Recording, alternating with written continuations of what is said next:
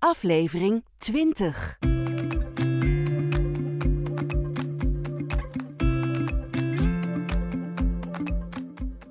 Dit is een podcast van Advocaten, Familie en Erfrecht met Inge Diepman en Joost Dix. Welkom bij de twaalfde, en dat is tevens de laatste aflevering van serie 2 van de Erfrecht Advocaten-serie over alle ins en outs rondom de erfenis. De eerste serie ging over de meest gestelde vragen en in deze serie staat een casus centraal en die wordt besproken en van wijze raad voorzien door meester Joost Dix, specialist familie- en erfrecht, partner bij Advocaten Familie en Erfrecht en dat is gevestigd in Eindhoven en ook in de provincies Limburg en Utrecht. Joost, Laatste aflevering alweer. Ja, ik heb nog maar één casus voor je, Inge. Ja, maar dat is wel bijzonder, want je hebt de ondernemers in huis gehaald. Ja, zeker. Ja, ik heb jou verteld dat ik nog met een hele leuke casus zou komen... Eh, waar er een onderneming in de nalatenschap zit. Nou, vertel me eerst de casus en dan komen we straks uh, er wel uh, over te spreken... waarom daar een erfrechtadvocaat wellicht bij aan te pas moet komen. Ja. Want dan denk ik, we hebben toch ook ondernemingsadvocaten. Ja, precies. Dat is de casus. Ja, nou, er zijn, er zijn drie zussen en die hebben best een hele mooi bedrijf opgebouwd. Dat bedrijf heet Bakkerij Warme Broodjes. De, zus, ja, de zussen Madeleine, Rosemarijn en Olivia. Nou ja, hier kun je wel uit opmaken. We hebben daar in de eerste aflevering over gehad. Van je mag niet zomaar, hè, zomaar privézaken op tafel leggen. Dit is heel mooi bij elkaar verzonnen. Dit toch? is mooi bij elkaar verzonnen. Ja, ja, ja. Ga door. En die drie zussen die hebben dus die mooie bakkerij. En eh, een van die zussen, Olivia, die komt te overlijden. Maar ze heeft een testament. En in dat testament heeft zij een legaat opgenomen ten behoeve van haar neef Tijmen. En wat doet ze nou in dat legaat? Haar aandelen in het bedrijf legateert zij aan neef Tijmen. Ja, en de overgebleven zussen die zijn van mening dat dat helemaal niet kan. Hebben die daar gelijk in? Hoe loopt deze casus af? Wat kunnen we ervan leren? Dat horen we in deze laatste aflevering in serie 2 van de Erfrechtadvocaat.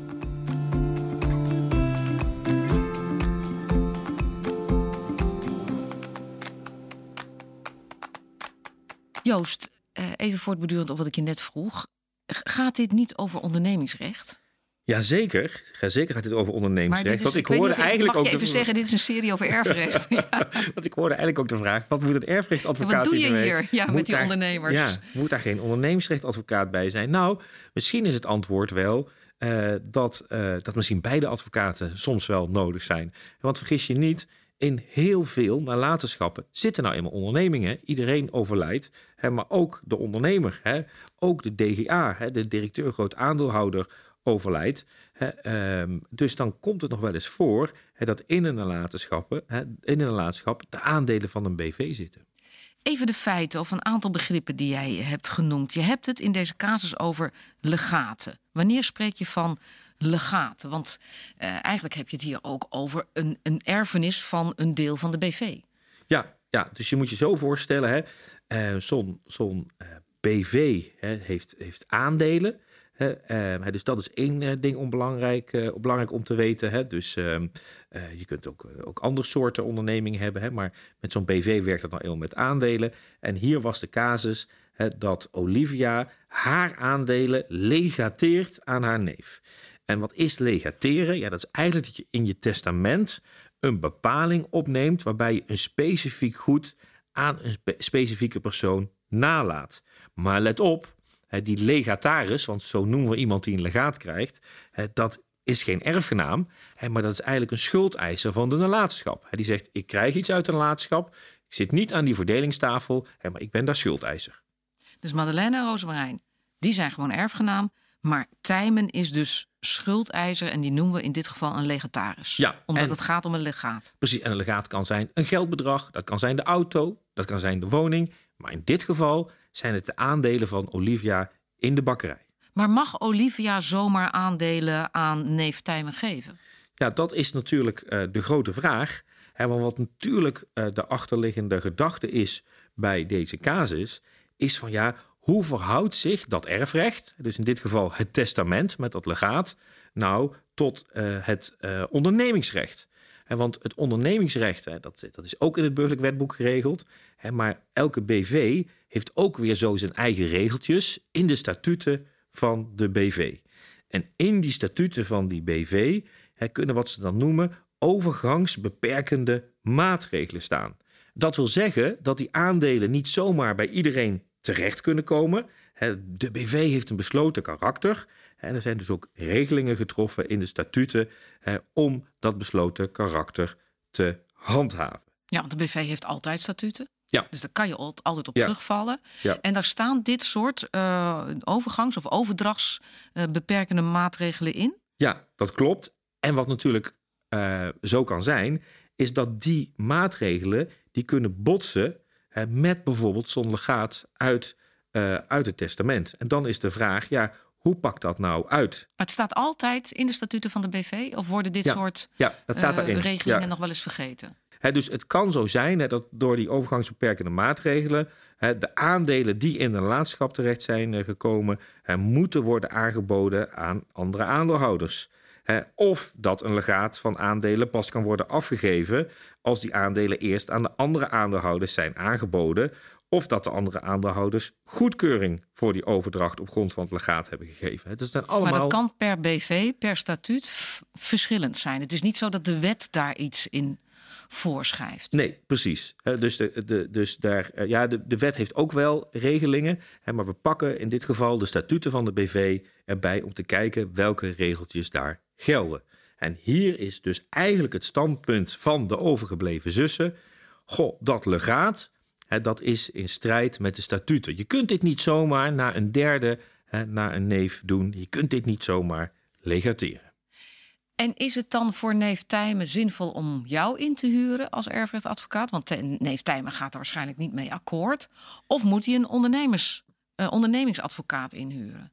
Ja, eigenlijk geef je me maar twee opties om die vraag te beantwoorden. Er maar derde optie er is nog een derde optie, zou ik zeggen. Nou, in heel veel gevallen, en dat zie je in de praktijk ook... als er een onderneming in een laadschap zit... is het soms verstandig om en een erfrechtadvocaat... en een ondernemingsrechtadvocaat in te schakelen. voor neef Tijmen zou dat ook van belang kunnen zijn... Je moet je voorstellen, dit is maar een voorbeeld van een discussie die kan spelen op het snijvlak van het erfrecht en het ondernemingsrecht. Maar er zijn er veel meer denkbaar. Dus er moeten misschien wel aandelen verdeeld worden. Of misschien zegt iemand: ik wil de onderneming overnemen. Of misschien moet er wel een onderneming verkocht worden uit een nalatenschap. Nou, in al dat soort situaties zal de erfrechtadvocaat dan vooral kijken naar van hoe is die vererving gegaan. Hoe zit het met de bevoegdheden? En zal de ondernemingsrechtadvocaat veel meer naar de ondernemingsrechtelijke kant van de zaak kijken. Dus jullie zitten regelmatig samen aan tafel? Klopt, ja, klopt. En dan vorm je echt een team hè, om ervoor te zorgen dat ja, of het wel goed komt met de onderneming, dan wel dat het goed komt voor de partij die je heeft ingeschakeld.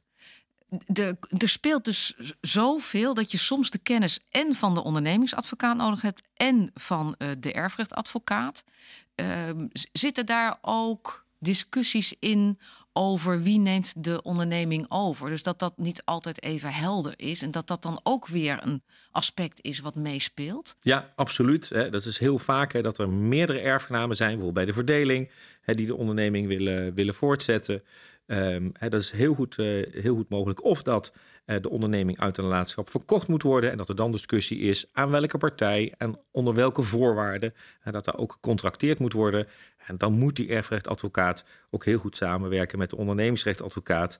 Want allebei weten natuurlijk precies waar, waar liggen je grenzen. Waar lig je grenzen? Je moet bij je uh, schoenmaker blijven bij je leest. Hè, wordt dan en als het gaat over de, de waarde van zo'n onderneming, dan schuiven we dat op het bordje van de ondernemings. Advocaat? Ja, ook niet. Nee, want die weet ook wel waar zijn grenzen liggen. He, er wordt wel eens gezegd dat niets moeilijker is dan het waarderen van een ondernemer, onderneming. He, dus je hebt daar uh, deskundigen voor he, die zo'n onderneming kunnen waarderen. Die die waarde van die onderneming kunnen bepalen. dat zijn niet de advocaten die dat kunnen.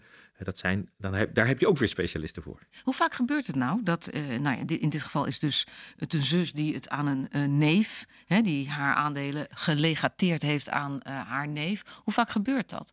Nou ja, het gebeurt heel vaak hè, dat een erflater er goed over nagedacht heeft wat er met zijn uh, onderneming moet gebeuren. Uh, en daar specifieke maatregelen voor heeft getroffen in zijn testament.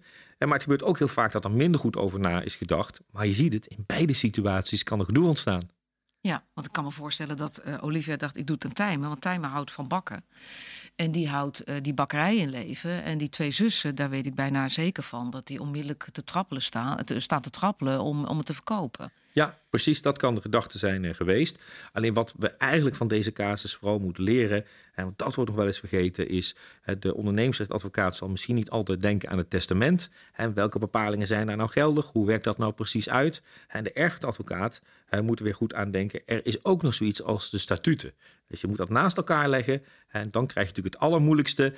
Hoe verhoudt zich dat tot elkaar? Want dat is natuurlijk ook nog we weten de uitkomst nog niet. We weten dat er overgangsbeperkende maatregelen zitten in eh, die statuten. En we weten dat in het testament de aandelen zijn gelegateerd aan Tijmen.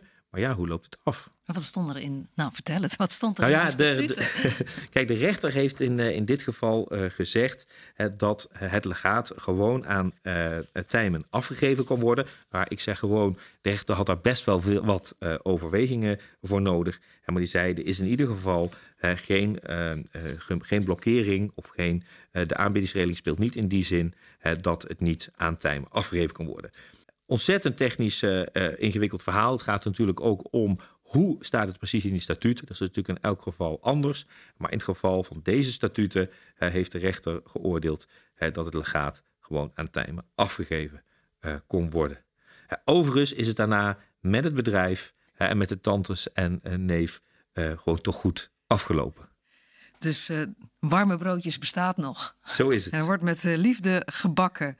Nou, bakker is een mooie wijze raad van meester Joost Dix in deze laatste aflevering van serie 2. Wat is je wijze raad als het gaat over ja, ondernemingsrecht en erfrecht? Ja, kijk, bij de afwikkeling van een laadschap met een onderneming hè, is, zijn niet alleen het erfrecht en het testament van belang, hè, maar ook het ondernemingsrecht en de statuten. En dat moet allemaal samenvallen. Hoe vaak tot slot, uh, hoe, hoe, vaak doe je iets met ondernemers? Veel, veel. Hè, is dus... dat bekend? Ja, kijk, uh, over het algemeen zullen mensen wel na kunnen gaan dat ja, ook de ondernemer of een partner van een ondernemer overlijdt. Hè, dus dan zit je weliswaar niet per se in die hoedanigheid aan tafel, maar ja, wel zitten wij aan tafel met, met problemen die spelen in een nalatenschap omtrent de onderneming. Wat een prachtig vak heb je. Zo is het. Je hebt het me echt weer in twaalf afleveringen geboeid laten luisteren naar eh, de praktijk van eh, het erfrecht. Ik heb er alweer veel van geleerd. Uh, ik heb het erg leuk gevonden. Ontzettend leuk om tegenover je te zitten. Dankjewel, Joost. Jij bedankt. Dix. Dank voor degene die heeft geluisterd. En uh, wie niet alleen wil luisteren, maar ook wil lezen over dit onderwerp, ga naar familie-erfrecht.nl. Dat is de website van Advocaten Familie en Erfrecht. Ook uh, daar is alle informatie te vinden over het inschakelen van Joost of uh, een collega van Joost. Of het inschakelen van een erfrechtadvocaat. Mocht je willen reageren op deze podcast, dat vinden wij heel erg leuk. Doe dat dan vooral. Stuur een e-mail naar info.familie-erfrecht.nl. En je kan ook altijd nog een reactie achterlaten op iTunes.